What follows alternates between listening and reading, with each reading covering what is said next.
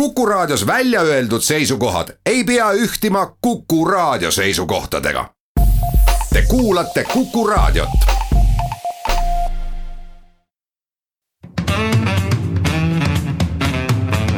muuli ja Riikoja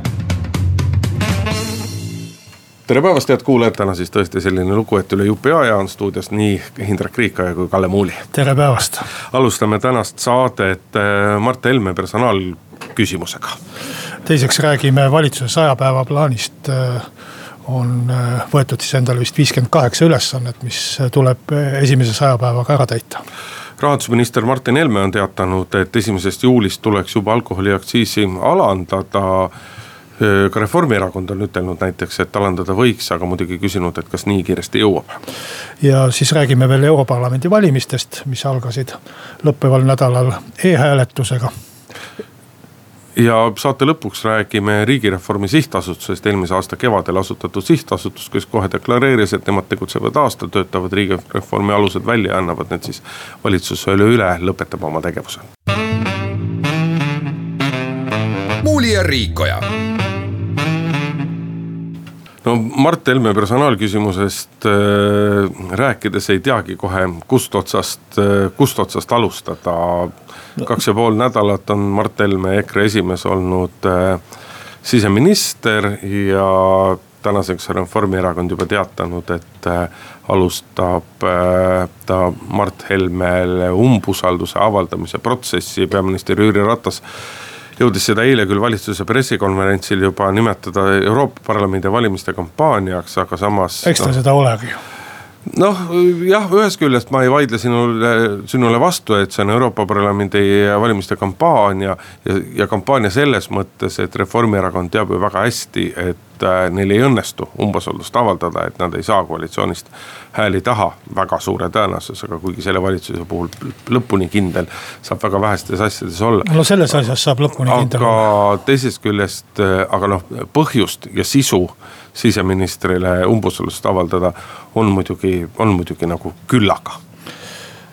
no võib-olla sa siis ütled, mis see sisu on, et, et äh, ega Reformierakond isegi ei ole ütelnud, mis see sisu on. Äh, see ongi kõige huvitavam, et. Äh, no päris nii ei ole, sa oleks võinud eile Kuku raadiot kuulata, et siis oleks kuulnud, et Kaja Kallas Kuku raadios intervjuus küll rääkis, et mis need, mis need on, et eks see peamine eks see kõige olulisem põhjus on tegelikult ju see, et äh, siseminister Mart Helme käitub nagu noh, ma, ma ei oska öelda, kes ütleb, Mats, ta ise ütleb enda kohta, et ta käitub nagu alfaisana, mille kohta siin naiskolleegid ütlevad, et nii vana mees ei peaks ennast võib-olla enam alfaisaseks nimetama. võib-olla sellistesse detailidesse äkki selles saate formaadis ei, ei laskuks. aa, sa ei taha seda värvi juurde saada, jah, okei okay,, sul on Vilja Kiisleriga saade selja taga, et, et värvikad detailid on kõik juba öeldud. Äh, eks see põhiline probleem on ikkagi selles, et äh, Mart Helme ei käitu, minu arust ta ei käitu ühele ministrile piisavalt väärikaks. see tema selline jätkuv ärplemine jätkuv laiamine, süüdistamine, ka ajakirjanduse süüdistamine avalikult kõigile teistele, ta räägib sellest, kuidas, kui sõnakestki midagi öeldakse tema või tema koduerakonna suhtes, siis on see kohe propaganda.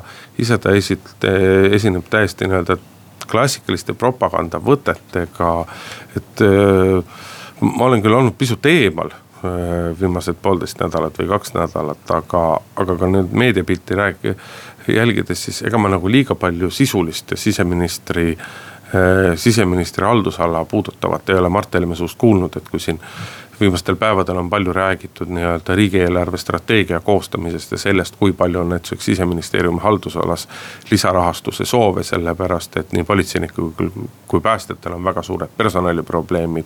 palgaprobleemid, idapiiri väljaehitamine, kaitsepolitseile uue maja tegemine või siis äh, senise kinnisvara ulatuslik renoveerimine.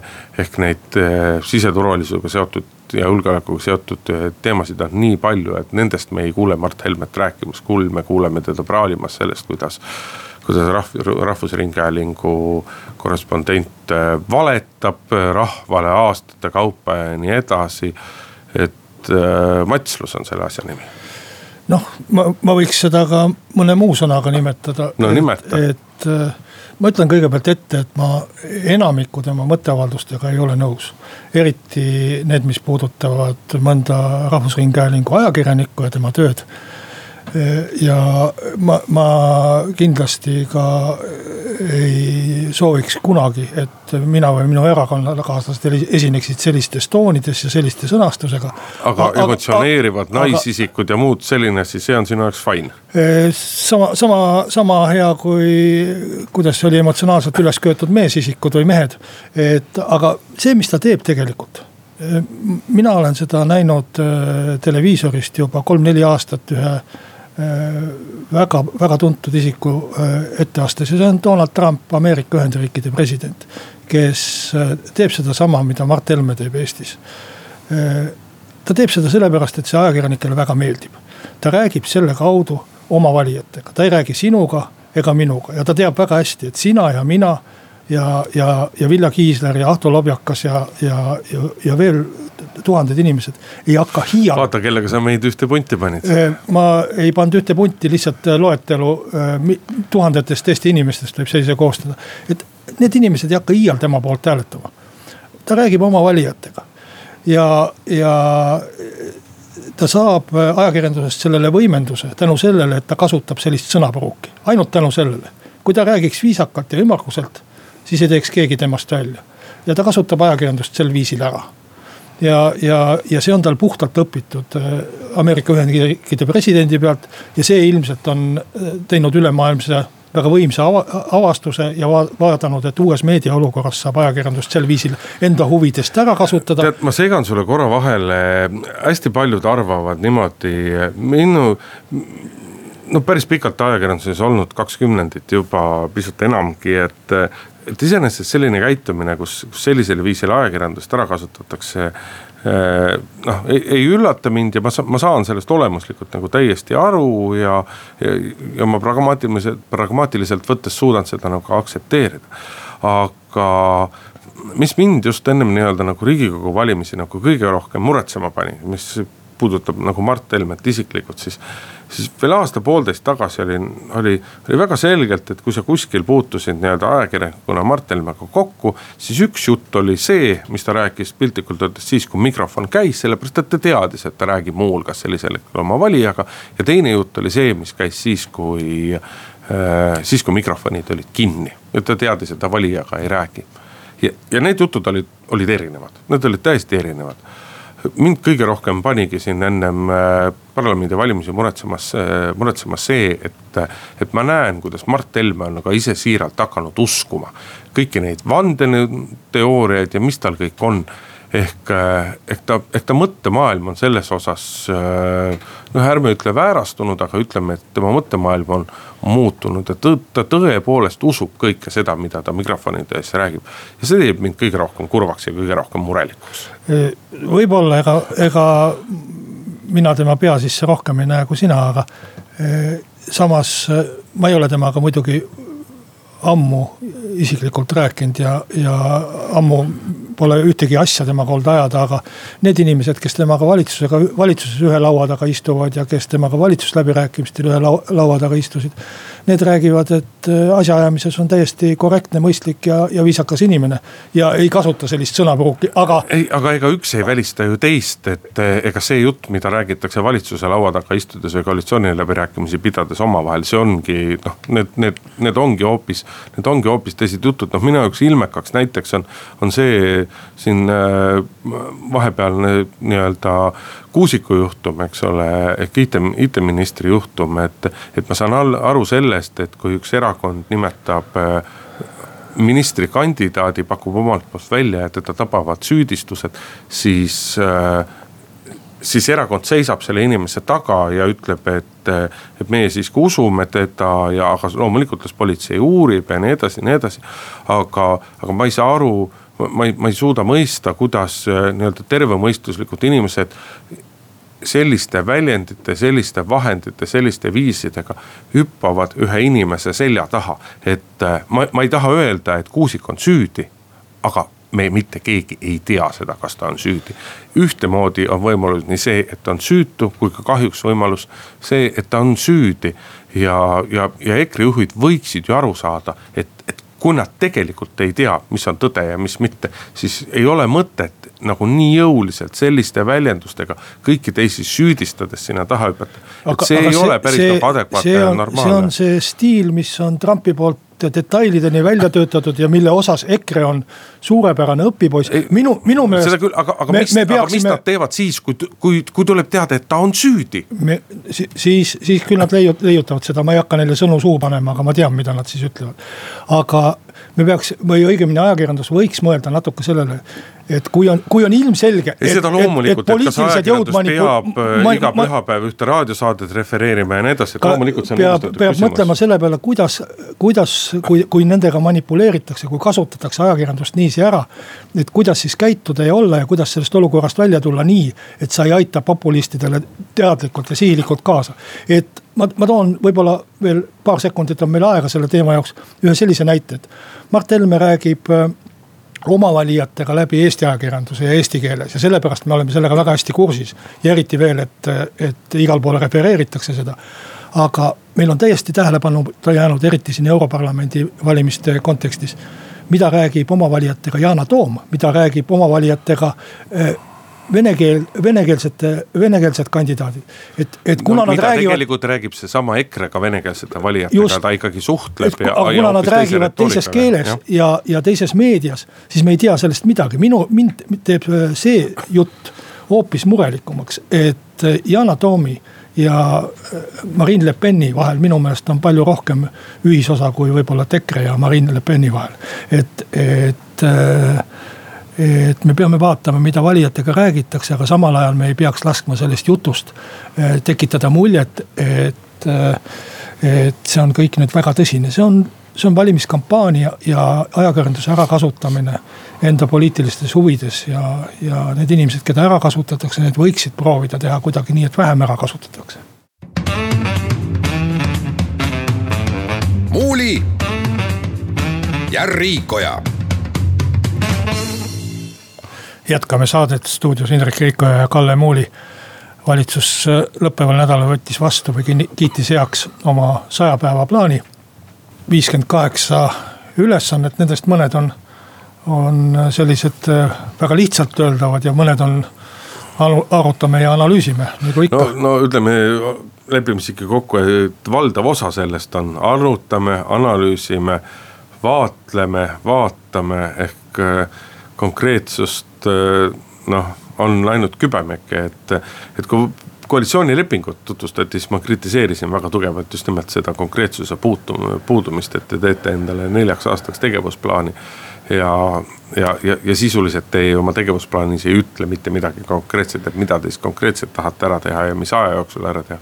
mis see kõik maksta võiks ühte või teistpidi, aga vot siin ma seda nagu kritiseerida selles mõttes ei julge, et oleme nüüd ausad, et tegelikult ühe valitsuse jaoks nii-öelda sajapäevase plaani tegemine on selles mõttes tobe, et, et ole sa kui tubli tahes saja päevaga ei jõua sa suurt midagi lihtsalt paratamatult ära teha, et sinu bürokraatia, ettekirjutatud bürokraatia on juba nagu. on nagu nii suur, et selles mõttes ma nüüd, ma, ma, ei taha öelda, et see sajapäevane päev, saja päeva plaan on paha. aga küll ma tahaks küsida, et kas sellel mõtet on? kõik sõltub ajastust ma arvan, et see saja päeva plaan on isegi alguse saanud juba Edgar Savisaare valitsusest enne Eesti Vabariigi sündi. aga kus tehti kolme nädala, kolme kuu ja kolme aasta plaan vist ja see kolm kuud siis tekkis, tekkis sada päeva, aga Mart Laar on oma esimese valitsuse kohta ütelnud, et kõik olulised otsused ma tegin esimese saja päevaga. ja, ja ülejäänud oli juba siis nende otsuste elluviimine. jah, aga võib ka ütelda, et pärast seda sadat päeva oli tal valitsus juba lõhki. aga eks need tempod ja ajad, see, see näitab lihtsalt erinevat aega. aga tegelikult see sada päeva plaan on, on minu meelest nagu hea selliseks valis, valitsuse käimatõmbamiseks ministeeriumid panevad igaüks endal kolm või viis asja paika, mida nad tegema hakkavad ja püüavad need eh, kohe kähku esmajoones ära teha ja suve ajal kui keset juulit laiutab meil puhkuseauk, ma arvan, et see on päris hea, et valitsus töötab. mõned konkreetsed asjad ju siiski on. kõige lihtsam ja konkreetsem asi on see, et välireklaami keeld tühistatakse ära. See... me vist peaksime juriidiliselt täpsustama, et see saja päeva plaan tähendab seda, et saja päeva jooksul valitsuses saab see asi ja. heaks kiidetud, aga kui see eeldab ka nii-öelda nagu parlamendi heakskiitu, siis peab ikkagi ja, no, te, vähemasti teistsada päeva ega, ja suvist aega arvestades veel rohkem. valitsus ei juhi parlamenti, võib-olla parlament ei võta iial neid seadusi vastu, et jutt käib ikkagi valitsuses heaks kiidetud eelnõudest. aga mis me peaksime saama siis saja päeva jooksul teada, me peaksime saama teada kui suur tuleb erakorraline pensionitõus ja millal ta täpselt tuleb, et see tuleb äh, välja töötada. analüüs ja, ja ettepanekud on selle asja nimi. siis äh, võetakse kasutusele haiglates digiregistratuur, see peab olema siis kaheksandaks augustiks äh, teada siis kiidetakse heaks riigireformi tegevuskava, see on küll tegevuskava, tegevusi ennast ei ole, aga ikkagi nelja aasta kava. ja seal peavad siis olema ka sees tähtajad, mida tehakse, millal tehakse. et see konkretiseeriks siis jälle ühe äh, koalitsioonileppe punkti ära. ja noh, mis minu erakonda Isamaad puudutab, siis ka teise samba äh, põhimõtted äh, tuleb esitada kuuendaks juuniks juba Äh, valitsusele äh, või teise samba äh, vabatahtlikuks muutmise põhimõtted. et selles mõttes nagu noh, on üht-teist ka sellist, mis ei ole lihtsalt retoorika, vaid mis hakkab ka sisuliselt mingisuguseks poliitikaks vormuma ja sellest tahaks ausalt öeldes rohkem rääkida, kui Mart Helme väljaütlemistest alfaisast või, või alfaemaste kohta. no ühest küljest muidugi tahaks rohkem rääkida, teisest küljest ega seda, millest rääkida, on meil teadmist on ikkagi nagu väga napilt ja. ja, ja mida ma tahaks kindlasti valitsusele südamesse panna, südamele panna, et. et loomulikult on meil nii-öelda poliitikud maailma kõige targemad inimesed, aga sellest hoolimata kindlasti peaks ikkagi üks asi peaks ministeeriumi ametnikke kuulama, kes on nii-öelda ikkagi valdkonnas spetsialistid ja teiselt poolt erinevaid huvi, huvigruppe ja ja asjaga seotud eh, gruppe ikkagi peaks kuulama, et. et kui midagi tehakse, siis see haakub ka nagu päris eluga, sest et liigagi tihti kahjuks on niimoodi, et eh, et poliitikud või ametnikud, kes asju teevad, et nad tegelikult valdkonda või, või, või seda temaatikat, millega nad parasjagu tegelevad, nad. Nad seda praktikas ei tunne ja seetõttu tuleb igasuguseid totrusi sisse, et kui pikad peavad olema. ma ei tea, auto porilapakad või mis veel, et, kas sellel kõigel on mõtet, aga teeme siinkohal pausi, kuulame ära pooltunni uudised ja läheme siit saatega edasi. muuli ja Riikoja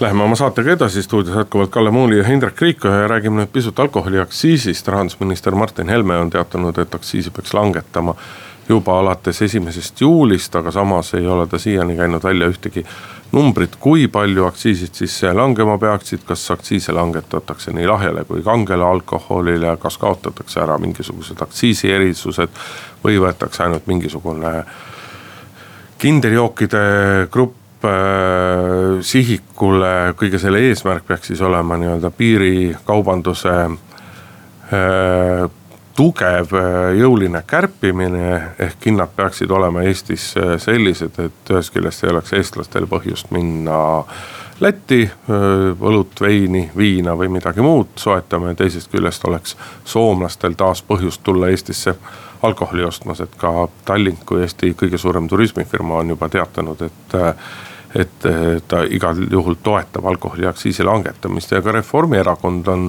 öelnud, et eh, nende arvates on aktsiiside langetamine mõistlik. küsimus nüüd ongi ikkagi selles suurusjärgus, eh, kui palju seda langetada ja kas seda tähtajaks jõuab, et rahandusministeeriumis on juba vähemasti majasiseseks kasutamiseks eh, valminud esimesed, esimesed analüüsid, mille põhjal juletakse oletada, et kui aktsiise mõnevõrra alandada, siis nii-öelda vähemasti aasta lõpuks peaks olema nullsumma mäng ehk planeeritud aktsiisilaekumine selle arvelt ei tohiks väheneda, ehk siis müük peaks nii palju kasvama.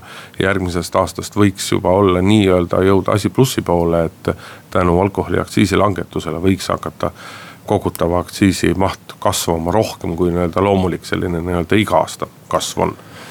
nojah, siin on selline veidi, veidi tagumiku kaudu hammaste ravimise äh, sündroom, et kõigepealt minister ütleb, et tuleb langetada ja siis hakkame analüüsima ja arvutama, et mida see tähendab ja et kas see on äh, hea või halb. no ma ei ole sinuga selles mõttes muidugi päris, päris ja nõus. siis võib-olla kohendame natukene vajaduse korral analüüsi ka niiviisi, et ikkagi tuleks välja, et äh, minister ei jääks sellisesse seisu, et ütleb, et on vaja ja siis selgub, et noh, riigieelarve ei võimalda või, või laekumised ei võimalda ja. ja, ja lõpuks on tulemus see, et ei saagi tegelikult langetada. no aga ega sellepärast Martin Helme räägibki ainult langetamisest, aga täpsemalt mitte ühestki numbrist. ja, et vähemalt see on hea, et, et ei värvi ennast äh, niiviisi nurka. no minu koduerakond on äh, vähemalt fraktsiooni tasemel avaldanud ka siis selget toetust sellele alkoholiaktsiisi langetamisele, ma ise isiklikult olen, olen sellises skeptilisemas äh, meeleolus. ma, ma ei usu, et, et see nüüd meile mingit suurt võitu annaks, kui me, kui me natukene seda alkoholiaktsiisi langetame, kui me palju langetame, siis ilmselt riigieelarve ei võimalda seda teha nii, et jääks nende tasakaaluprotsentide juurde, mis on riigieelarvele seadusega lubatud. no võimalus on, et rahandusministeerium ikkagi käib äh, välja ka väga selged nii-öelda kärpimisvõimalused, juhul kui me langetame aktsiisi. ja aktsiisi laekumised langetavad, et see rahandusministeerium pakub ka välja kohad, et kus siis nii-öelda raha kokku hoida. aga, aga siis tekib küsimus, et milleks üldse teda langetada, kui äh, riigi laekumised ja tulud vähenevad ja joomine suureneb. no vaata, küsimus on selles, et, et kas me saavutame selle efekti kohe nii-öelda sellel aastal või saavutame selle näiteks järgmisel aastal. omaette huvitav küsimus on ka see, et, et kui seda tahta esimesest juulist teha, siis äh, et kui üldiselt nii-öelda nähakse ette, et maksumuudatused äh, otsustatakse ja võetakse vastu vähemalt pool aastat ennem nende kehtima algamist. siis see puudutab nii-öelda maksude tõstmist, maksude langetamist, mis justkui peaks olema ettevõtjatele ja, ja ka tarbijatele nii-öelda soodsam lahendus, et seda võib rutem teha. aga igal juhul noh, riigikogul on istungeid jäänud, korralisi, korralisi istungeid jäänud alles kuu aja jagu et äh, siis on juuli algus juba käes ehk nii-öelda jube kiireks läheb ja kuidas äh, kuidas nii-öelda, kuidas reageerivad näiteks sotsiaalministeerium kuidas reageerib näiteks haridusministeerium ja veel mõned ministeeriumid. sest et selge see, et, et aktsiiside langetamine tähendab ka mingisugust alkoholi tarbimise kasvu, kuna ta muutub nagu kättesaadavaks kõik seda muidugi eeldusel, et kui aktsiisi langetatakse, et ka kaupmehed hakkavad seepeale hindu langetama ja see on juba omaette küsimus, et kas kaupmehed nii-öelda on selleks valmis, et võib-olla on kaupmeestele kasulikum ikkagi. kuna paratamatult tihtipeale on seotud nii need ettevõtjad, kes Eestis alkoholi müüvad, kui ka need, kes Lätis alkoholi müüvad, et. et võib-olla on nagu mingist hetkest neile kasulikum siin hindu ikkagi samal tasemel hoida ja võtta siit rohkem kasumit ja võtta ka Lätist rohkem kasumit. aga noh, et kuidas sotsiaalministeerium ütleb, et jah, langetame aktsiise, teades, et selle peale alkoholi tarbimine tõuseb, kasvab. no ettevõtjad on juba või ütleme siis alkoholitootjad on juba natukene häält teinud. et ärge langetage, kujutad ette, et aastaid räägiti, et äh, ärge tõstke, ärge tõstke. Need nende samade inimeste poolt nüüd räägitakse, et ärge langetage, ma arvan, et. no päris, ma... see ei ole päris täpne muidugi selles mõttes, et nad on ka viidanud eelkõige sellele, et noh, et. et mis kiirusega, mis sammuga ja kuidas seda tehakse, et kas on mõtet nii kiiresti seda teha Hü. hüva, et äh, ma arvan, et äh, lõpuks see tulebki nii, et kui, kui valitsus ütleb, et langetame, siis äh, ettevõtjad ütlevad, et oi kui halb ja ajakirjandus ütlevad, ütleb ka lõpuks, et oi kui halb. et tee sa nende maksudega, mida sa tahad, et igal juhul on halb.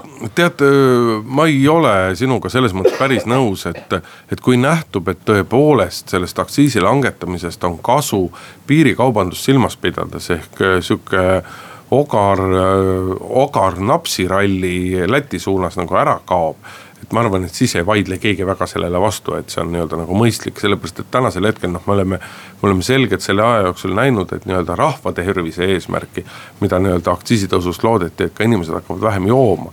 et seda eesmärki ei ole praegusel hetkel saavutatud ja ei paista ka kuskilt, et seda eesmärki võiks nagu saavutada. tundub, et, et, et on, on natukene võib-olla, et siin nendes numbrites noh, teisiti mõistmist. tegelikult ju alkoholi tarbimine on püsinud ühel ja samal kohal. ütleme kaks või kolm viimast aastat nende küsitluste põhjal, mis konjunktuuriinstituut läbi viib. tavaliselt on niiviisi, et kui palgad kasvavad, siis ja praegu kasvavad palgad päris järsult ja päris kiiresti, juba mitu aastat. et siis äh, kasvab ka alkoholi tarbimine, et ilmselt on majanduskasv ja palgakasv nii suur.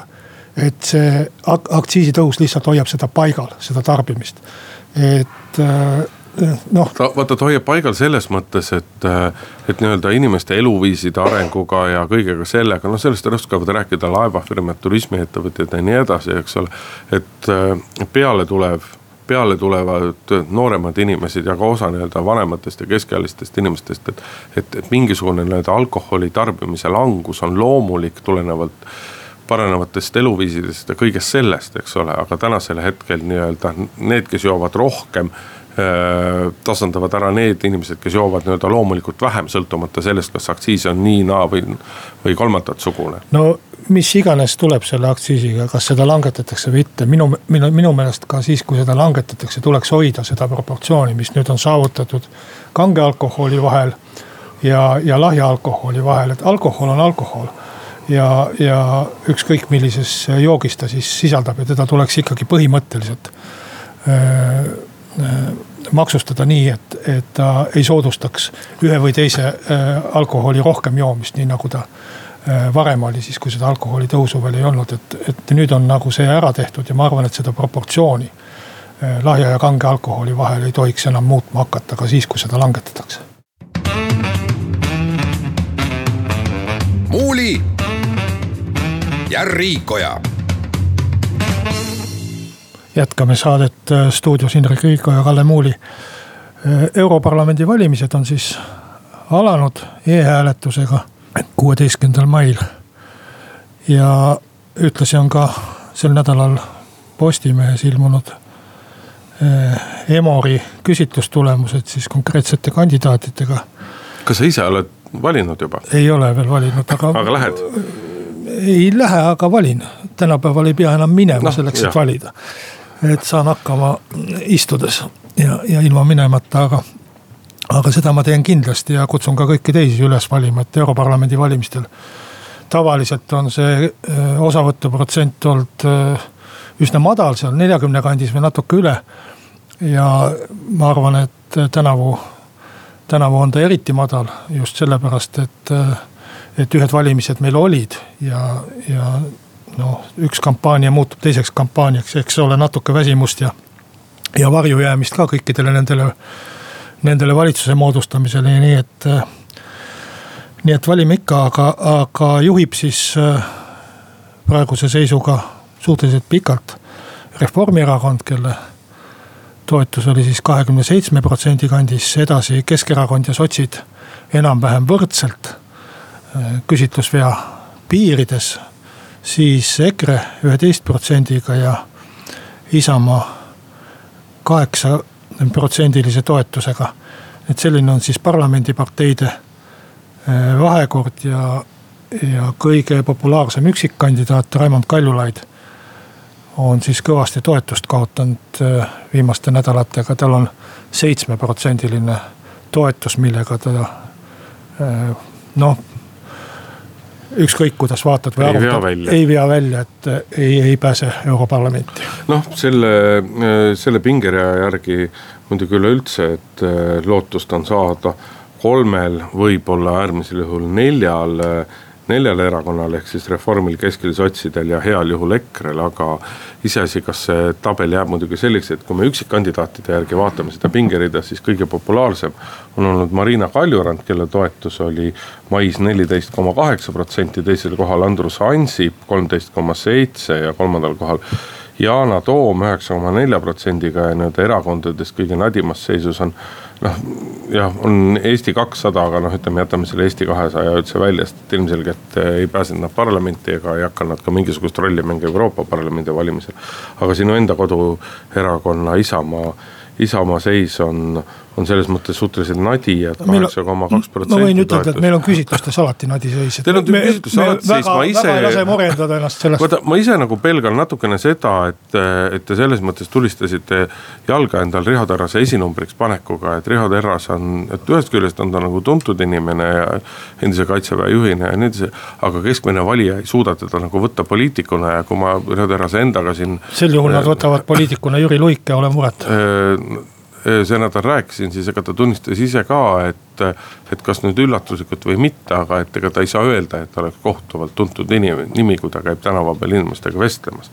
Marina Kaljurannast, kui rääkida, et ta on küll nii-öelda edetabelite liider, aga mina siiski julgen teha väikse ennustuse, et temaga võib vaba, väga vabalt minna nii, nagu see oli presidendiga presidendivalimiste ajal, et tal justkui avalikkuses oli väga suur toetus, aga siis, kui valimiseks läks, et siis see, selle ei jäänud sellest toetusest kaugeltki mitte nii palju alles. kuigi ma pean ütlema, et kui presidendivalimiste ajal nii-öelda noh, öeldi ju päris mitmes kohas seda, et, et Marina Kaljurand jäi, jäi väga tugevalt äh, nii-öelda välisministeeriumi jutupunktidesse kinni ja nii-öelda sellist nii-öelda enda sisulisi vastuseid, teemasid ja asju tal ei olnud, siis nende valimiste jaoks on ta nagu väga tugevalt tööd teinud, ka väli, valimisdebattides on ta väga nii-öelda nagu äh, väga sirgeselgselt, väga selgelt esinenud nii-öelda vastust väga palju kuskil nii-öelda võlgu ei jää ja, ja ka päevapoliitikas suudab väga julgelt kaasa lüüa. aga ma siiski teeksin väikse ennustuse, et tegelikult kõige rohkem hääli võtab Andrus Ansip hoopis. no ma ennustada ei taha, aga kui ma seda tabelit vaatan ja vaatan, et see Yana Toom on alles alles äh, kolmandal kohal ja, ja üheksa protsendise toetusega, siis no mis mõttes alles, see on ikka väga tugev. kui ma mõtlen ta eelmise valimiste tulemusele, kus ta tegi tõesti supertulemuse, ma arvan, et peast üteldes, kas tal oli kahekümne viie tuhande kandis hääli või. et, et võib-olla on, on Eesti venelastega midagi juhtunud ja nende toetusega, et äkki see on hakanud, hakanud kuidagi hajuma noh, me ei tohi unustada eri,. eriti, eriti selle valitsuse moodustamise noh järel ja, ja, ja, ja seoses sellega, et Keskerakond ja EKRE asusid valitsuses koostööd tegema. et, et võib-olla see on venelasi kuidagi mõjutanud, ehkki Yana Toom püüdis ennast ettenägelikult distantseerida sellest valitsusest ja sellest koostööst ja. see oli selgelt nagu just mõeldud europarlamendi valimiste kontekstis Vene valijatele see, see eemale tõmbumine ja kritiseerimine. aga kui me räägime nagu valimiskampaaniast endast, siis äh, ühest küljest nii-öelda paratamatu, aga teisest küljest ikkagi kurb on see tõdemus, et räägi sa ükskõik millise kandidaadiga tahes. siis kõik nad tunnistavad, et kui käia ja kohtuda tavalise inimesega, siis Euroopa Liidu asjad, Euroopa Parlamendi asjad asjad.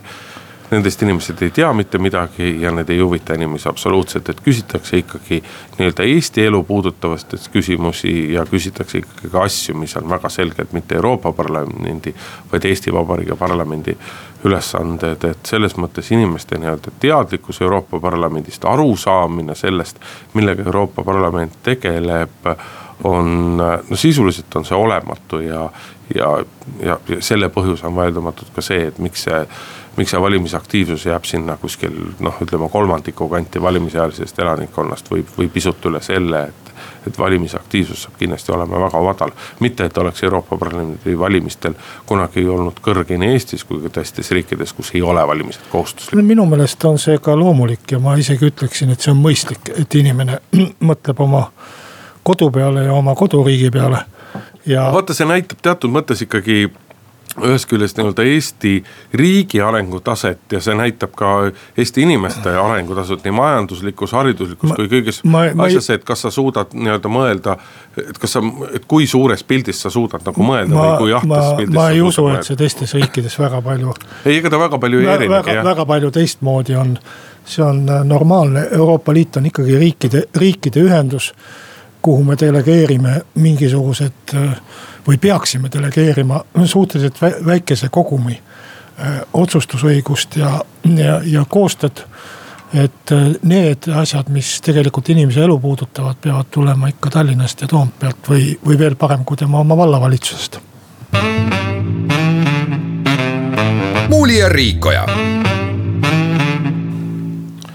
ja saate lõpetuseks räägime pisut riigireformist, nagu me ütlesime, siis valitsuse saja päeva tööplaanis on ka riigireformi puudutavad, puudutav punkt sees, et riigireformi alused peavad selle saja päeva jooksul välja töötatud saama ja sellel nädalal lõpetas oma tegevuse riigireformi sihtasutus, mäletatavasti alustati see sihtasutuse hulga ettevõtjate, ligi kolmekümne ettevõtja poolt äh, täpselt aasta eest ja eesmärgiks seatigi nii-öelda riigireformi aluste väljatöötamine, vajalike seaduseelnõude väljatöötamine ja et siis nii-öelda anda suunad kätte, kuidas riiki võiks reformida, et see puudutab nii haldusreformi, see puudutab parlamendi koosseisu vähendamist, see puudutab äh, ministeeriumide ja ametkondade ümberkorraldamist, nende personali vajadust, presidendi valimist ja nii edasi ja nii edasi. eesmärgiks ikkagi see, et see riik oleks ühest küljest nii-öelda pisut õhem, aga olu-, eelkõige siiski ta oleks efektiivsem, et oleks vähem bürokraatiat, oleks siin lihtsam elada ja oleks siin lihtsam äri ajada. nojah äh,, eks seal selles riigireformis, mille ettevõtjad välja töötasid ja mille väljatöötajad nüüd siis ennast ametlikult laiali saatsid. eks seal oli ka päris imelikke asju ja ma arvan, et selliseid asju, mis. no väga imelikke asju nüüd seal ei olnud, kõik oli... olid ikkagi suhteliselt mõistlikud asjad, ma saan aru, et poliitikutele nendest osa ei meeldi. siin ikka... positsioneerid ennast küll poliitikuna, et kümme taga, aastat tagasi ajakirjanikuna oleksid sa palju leebem olnud. sa võib-olla enam ei mäleta, mis seal oli, ma ise ka ei, ei ole ammu lugenud enam dokumenti, et. see oli vist viimati sügisel, kui ma seda lugesin, aga, aga seal oli ikka ka kõikide ministeeriumite ühteliitmist ja, ja muid selliseid asju äh, sisse pandud, et tegelikult see, mida, mida, mida teha tuleks, oleks ikkagi äh, eelkõige regulatsioone vähendada, seadusi ja eeskirju. ja teine asi ka siis vastavalt äh, ametnikke, kes neid täidavad või välja töötavad. et see oleks selline lihtsale inimesele lihtsalt öeldud riigireformi sisu, et mitmesugused seal manipuleerimised, et kas me teeme ühe, ühe suure ministeeriumi, kus on kümme ministrit. või teeme kümme ministeeriumit, kus igas ühes on kaks ministrit, et see läheb selliseks äh, abrakadabraks kätte. et tegelikult Eesti riiki tuleks teha selliseks, et seda saab juhtida väiksema arvu inimestega. no valitsuskoalitsioon on iseenesest lubanud koalitsioonilepingus nii-öelda arvestada ka nende riigireformi sihtasutuse ettepanekutega, aga. keda see teema iseenesest huvitab, siis täna kella kahest meil lähendatud Vox Populis on Jüri Raidla, üks selle sihtasutuse ellukutsujaid, on ka stuudios nii rääkimas kui ka küsimustele vastamas, aga meie peame siinkohal oma saate otsad kokku tõmbama. Kalle Muuli, Indrek Riik olid stuudios ja järgmisel reedel jälle. muuli ja Riikoja